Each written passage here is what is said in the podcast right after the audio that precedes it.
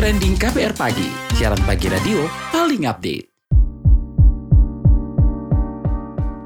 KBR Pagi, siaran pagi radio paling update. Selamat pagi, apa kabar Anda semuanya di hari Selasa 20 Desember 2022. Kembali lagi Don Brady menjadi teman pagi hari Anda semuanya di What's Trending KBR Pagi pastinya. Jadi Panglima TNI Yudo Margono itu resmi dilantik oleh Presiden Joko Widodo 19 uh, Desember kemarin. Presiden Jokowi meminta Yudo Margono menjaga kedaulatan NKRI dan menjaga persatuan dan kesatuan bangsa. Kepala negara juga meminta Yudo menjaga dan meningkatkan kepercayaan masyarakat kepada TNI yang saat ini sudah tinggi. Pelantikan Panglima TNI Yudo Margono pun tak luput dari perhatian netizen plus 62 dan menjadi trending topik. Banyak netizen yang mengucapkan selamat seraya menuturkan sederet PR atau persoalan keamanan di Indonesia. Salah satunya nih pengamat media sosial Wicaksono alias Doro Kakung. Melalui akun Twitternya, Doro Kakung menyampaikan sejumlah catatan bagi Panglima uh, eh, TNI Yudo Margono yang dikutip dari chat GPT. Beberapa tantangannya yaitu pertumbuhan ekonomi yang pesat berpotensi menimbulkan konflik, perkembangan teknologi juga menciptakan tantangan baru bagi Panglima TNI. Lalu ada juga soal uh, terorisme, kekerasan, dan kejahatan lainnya. Kita bakal bahas soal jadi trending gimana netizen soroti Panglima TNI baru dan isu pertahanan. Tapi seperti biasa kita dengarkan dulu komentar warganet plus 62.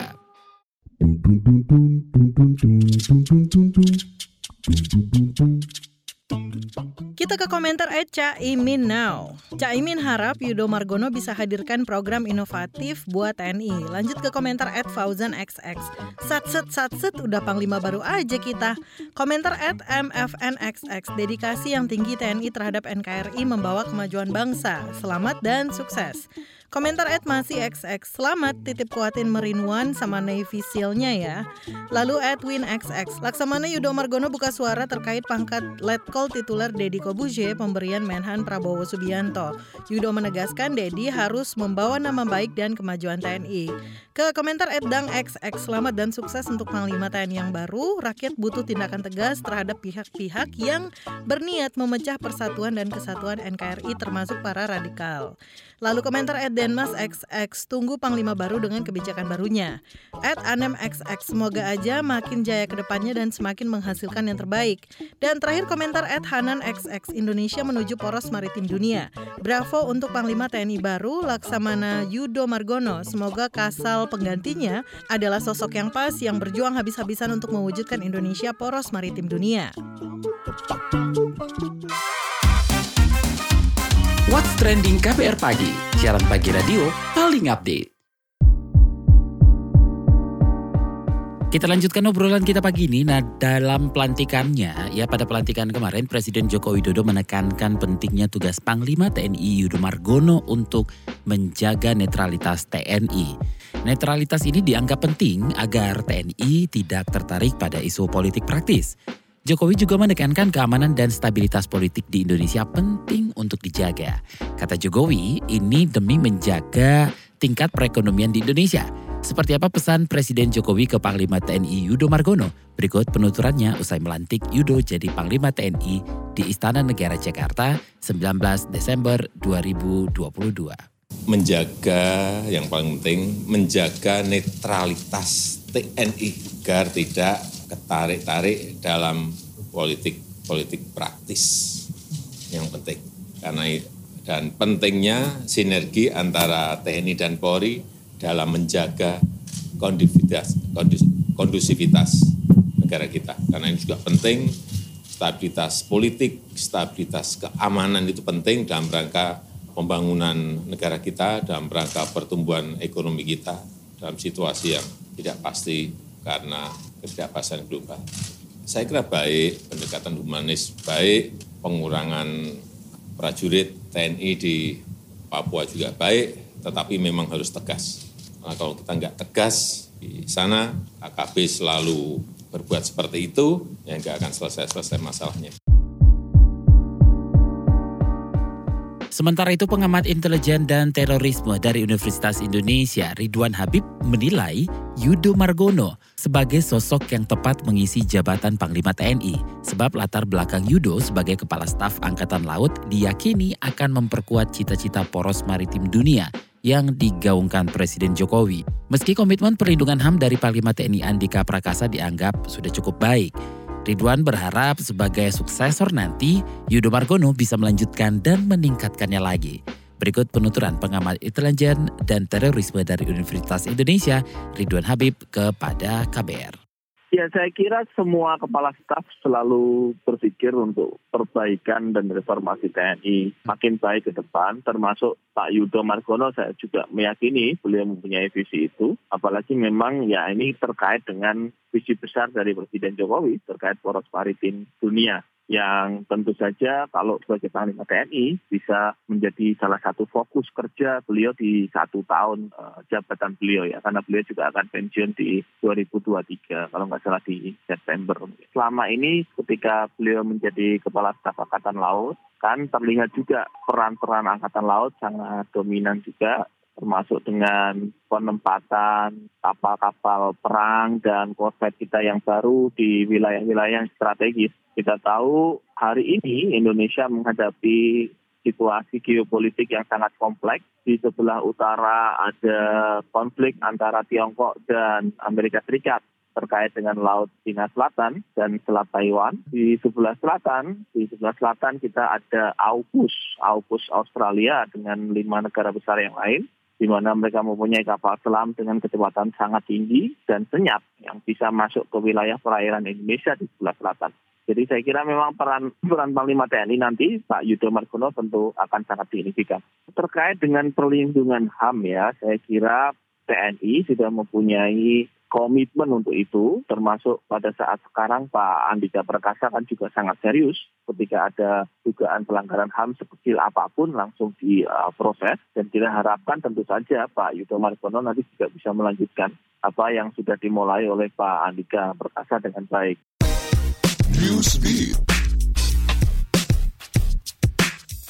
Pesta dan sukacita mewarnai Argentina setelah tim nasionalnya menyabet juara Piala Dunia 2022.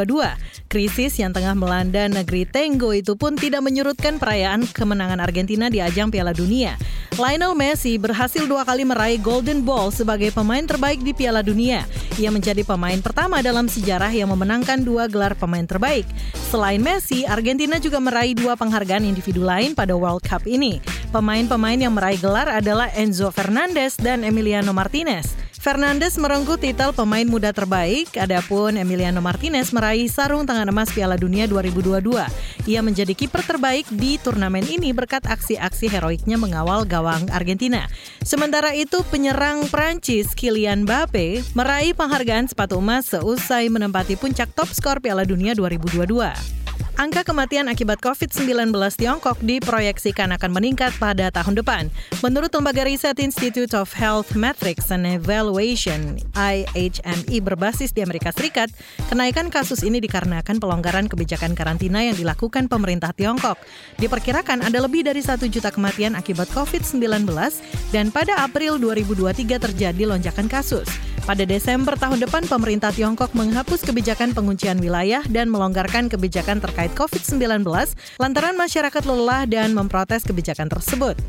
Ketimbang Marvel dan DC, sutradara Avatar The Way of Water menilai filmnya paling menonjolkan pemberdayaan perempuan. Sutradara James Cameron menyatakan Avatar The Way of Water menghadirkan karakter pejuang perempuan yang sedang hamil yaitu Neytiri. Diceritakan Neytiri sedang hamil saat pelatihan Clan Sully. Perjuangannya dimulai dengan membuat keluarga sekitar satu dekade setelah film pertama Avatar. Tak hanya Neytiri, sutradara James Cameron menyatakan ada banyak karakter perempuan di Avatar The Way of Water. Cameron berharap setelah menonton Avatar The Way of Water, orang-orang bisa membicarakan soal pemberdayaan perempuan.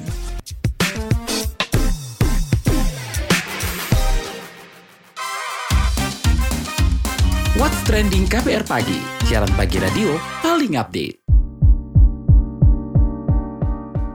Jadi trending gimana netizen soroti Panglima TNI baru dan isu pertahanan. Itu yang kita obrolin pagi ini. Nah, untuk ya untuk mengetahui bagaimana netizen plus 62 menyoroti soal pengangkatan Panglima TNI Yudo Margono, sudah bersama saya lead analyst Drone Emprit Rizal Nova Mujahid. Uh, Mas Rizal, bagaimana nih uh, nama Panglima TNI kan yang baru dilantik ini jadi trending topik nih. Agaknya tumben nih netizen tertarik dengan Panglima baru. Kenapa netizen sekarang menyoroti pengangkatan uh, Panglima TNI baru? Sebenarnya nama Panglima TNI ini muncul jauh lebih tinggi volumenya pada tanggal 13 dan 14 Desember kemarin. Dari sisi volume ya.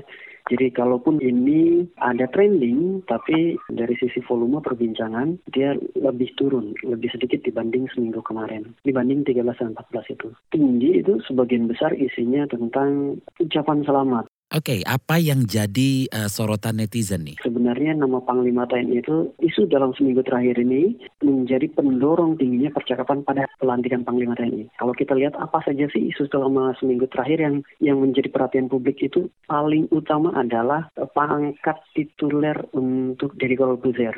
Nah itu jadinya publik aware tuh, oh iya ada Panglima TNI yang sebentar lagi akan dilantik. Sehingga ketika hari ini dilantik, orang udah tahu, oh iya Panglima ini, Panglima Yudo pernah ngomong tentang tituler, pangkat tituler jadi Corbuzier, kayak gitu. Yang kedua, ada lagi tentang KKB ya, Papua. Papua itu kan ada penembak, dua kali penembakan dalam satu dua minggu terakhir ini. Ada beberapa kali konflik gitu. Dan itu membuat publik mendorong agar eh, ini harus segera diselesaikan loh. Dan ketika ngomongin TNI, mereka memention panglima yang yang saat ini baru diangkat ya. Memention sebenarnya memention panglima Andika, kemudian mention itu kembali diulangi dalam bentuk harapan-harapan publik itu. Harapan publik itu salah satunya itu tuh Papua. Ada beberapa kalau catatan kami ada beberapa isu sih yang dibicarakan. Apa yang membuat Panglima TNI hari ini menjadi naik soal tingginya percakapannya tidak terlepas dari tingginya percakapan dalam seminggu terakhir. Jadi naiknya karena seminggu terakhir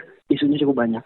Nah, sejauh ini gimana netizen uh, bersuara soal pertahanan dan uh, keamanan serta peran TNI ini, Mas? Sebenarnya apresiasi pada TNI ini tinggi dan saya kira wajar ya dari setiap jajak pendapat dan setiap ini kepuasan atau harapan publik pada TNI itu selalu tinggi di atas 70 persen selalu begitu. Jadi harapan publik tentang pertahanan keamanan pertama apresiasi dulu. Namun ada beberapa catatan yang disampaikan publik terutama tentang pelanggaran HAM, penegakan HAM, pelanggaran HAM di Papua. Lalu juga misalnya tentang pidana pada yang dilakukan oleh para oknum TNI. Lalu kemarin kita diingatkan tentang tindak korupsi yang mungkin dilakukan juga oleh para petinggi TNI kayak gitu atau bisnis-bisnis yang dilakukan oleh petinggi TNI. Jadi tidak semata tentang keamanannya yang dibicarakan oleh publik itu, tapi tentang itu semua hal yang melingkupi tentang TNI termasuk bisnis TNI tadi. Terus ada juga kemarin itu yang dibicarakan adalah tentang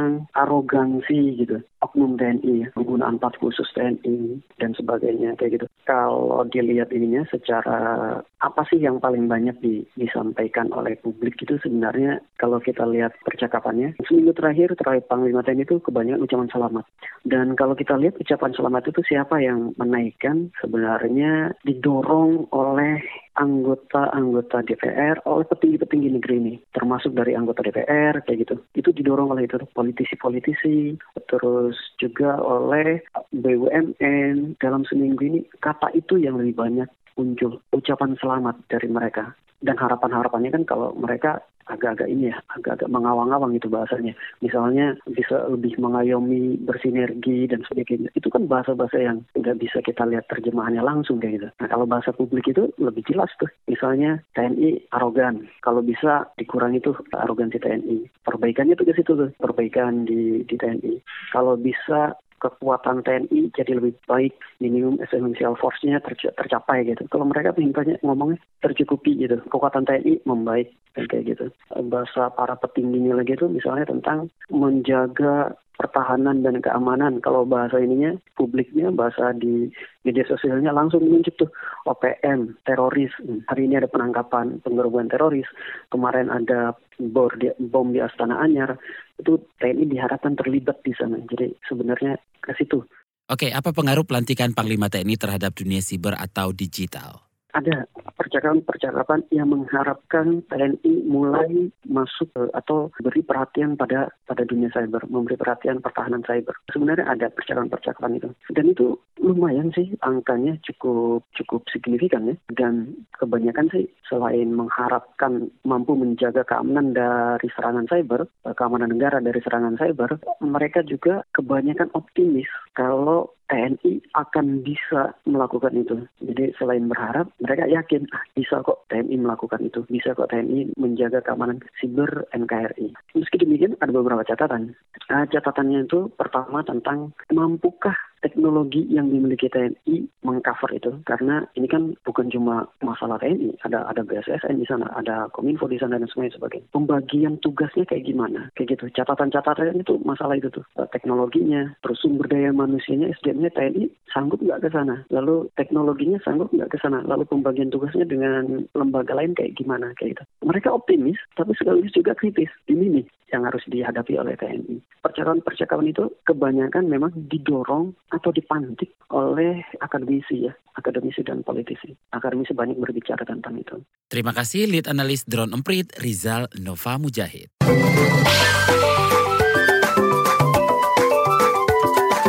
WhatsApp Indonesia.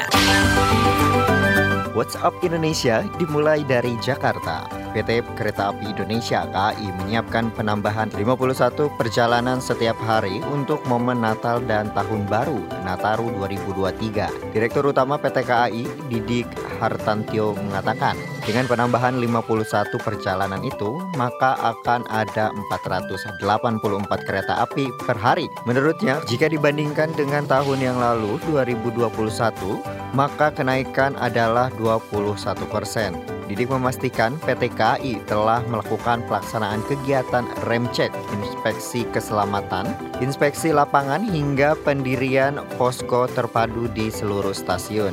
PT KAI menetapkan masa angkutan Nataru 22 Desember 2022 hingga 8 Januari 2023. Selain itu, PT Kereta Api Indonesia juga mensyaratkan seluruh penumpang dewasa wajib sudah vaksin dosis ketiga atau booster saat libur Natal dan Tahun Baru. Kata Didik, PT KAI akan menyediakan sentra vaksinasi booster di stasiun dan fasilitas kesehatan kereta api daerah. Masih dari Jakarta, DPR mengkritik program deradikalisasi pemerintah untuk mencegah terorisme.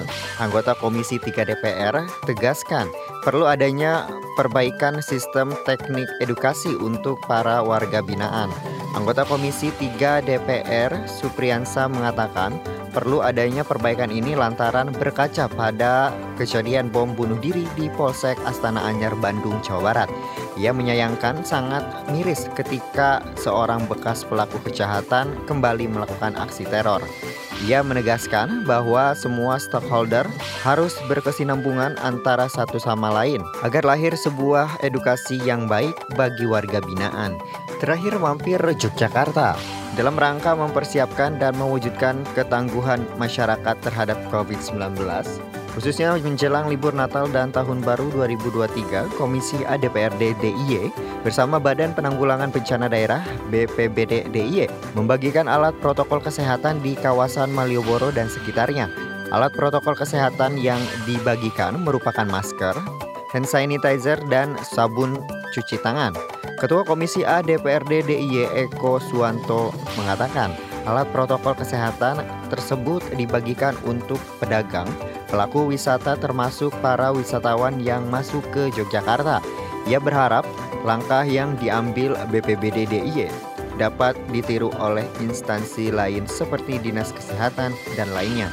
Dijelaskan Eko, selain masker, pembagian sabun cuci tangan bisa dimanfaatkan di wastafel-wastafel terutama di tempat keramaian seperti pasar dan kawasan Malioboro, terminal dan berbagai fasilitas umum lainnya.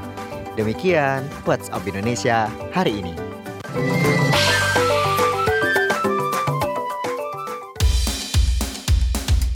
Terima kasih sudah mendengarkan What's Trending dan jangan lupa untuk selalu dengarkan podcast What's Trending di kbrprime.id dan juga di aplikasi mendengarkan podcast lainnya. Dan beri pamit, bye-bye.